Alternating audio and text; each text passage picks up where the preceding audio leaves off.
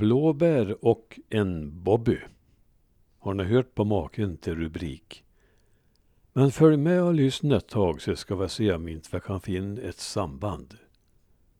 Nya Värmlandstidningen den 28 februari 2015. Bärplockning för försäljning var ett sommarjobb som många i norra Värmland ägnade sin fritid åt för att kunna unna sig det lilla extra i tillvaron. Till exempel utlandsresor. Så även i min familj innan bärpriserna rasade. Detta faktum ledde fram till att jag 1981 blev en av dem som uppvaktades med julkort från number 10 Downing Street. Under några år fick jag liknande julkort som Margaret Thatcher sände till världens ledare. Korten föreställde interiörer från residenset.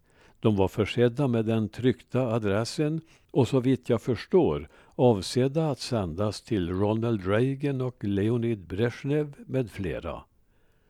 En av dessa med flera råkade bli jag.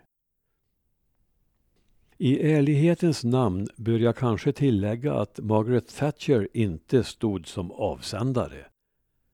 Men låt mig ta det från början. Jag, min hustru och ditillsvarande enda dotter var på oktobersemester i London. Det var skollov, bärsäsongen var avslutad och respengar sparade. Många sevärdheter skulle hinnas med och allt skulle dokumenteras med kameran. Egna diabilder med självupplevda berättelser till var tacksamma introduktioner till nya arbetsområden på skolans geografilektioner. The Tower of London, Houses of Parliament, St. Paul's Cathedral, Buckingham Palace, Madame Tussauds, Westminster Abbey och Hamleys leksaksaffär var avverkade. Nu var det premiärministerns residens och tjänstebostad 10 Downing Street som stod på tur. Kanske vi skulle få se en skymt av järnladyn själv. Vi gick in på denna återvändsgränd som inte såg alltför flärdfull ut. Till höger en byggnad med svart och dyster exteriör där världens mäktigaste kvinna residerade. Mellan oss och denna byggnad som var försedd med nummer 10 fanns ett stadigt kravallstaket. Gatan var folktom så när som på oss och en reslig polisman som stod framför residenset iförd kask, en huvudbonad man dittills bara sett på bilder. Vi närmade oss lite försiktigt, givetvis på rätt sida av avspärrningen. Jag började fixa inställningarna på min kamera men då fick jag diskreta förmaningar av min hustru att vara försiktig. Här skulle det säkert inte gå att knäppa bilder hur som helst utan att fråga om lov. Märkte jag inte att polisen såg lite bister ut?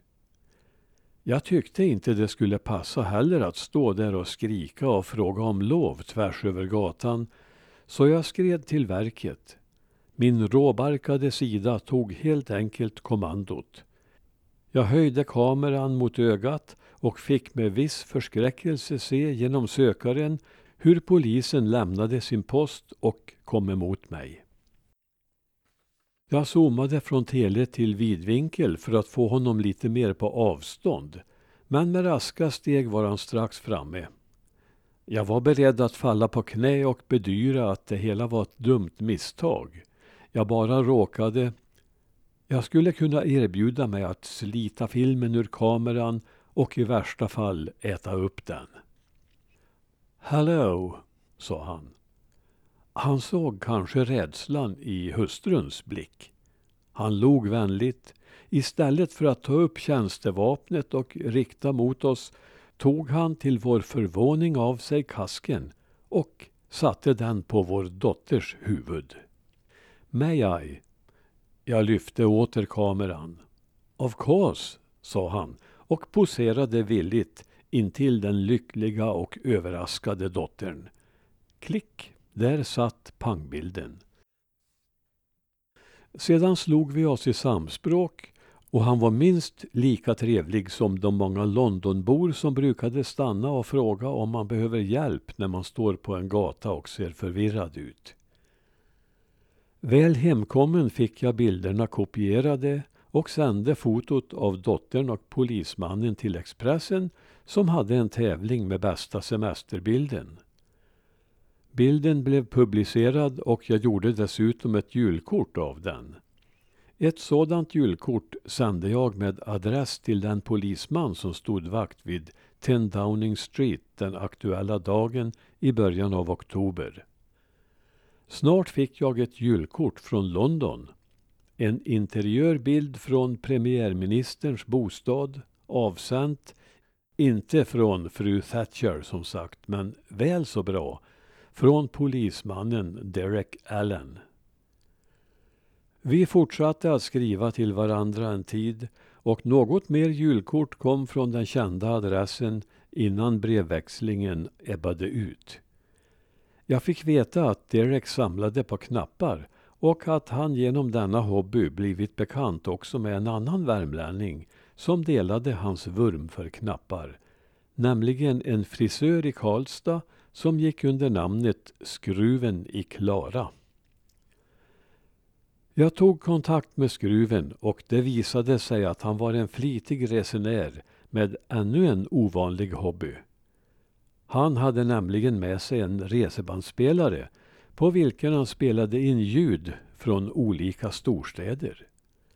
Han sände mig ett band som innehöll ljud, om jag minns rätt, från bland annat Leningrad. I mina öron kunde det lika väl ha varit från Rom eller varför inte London?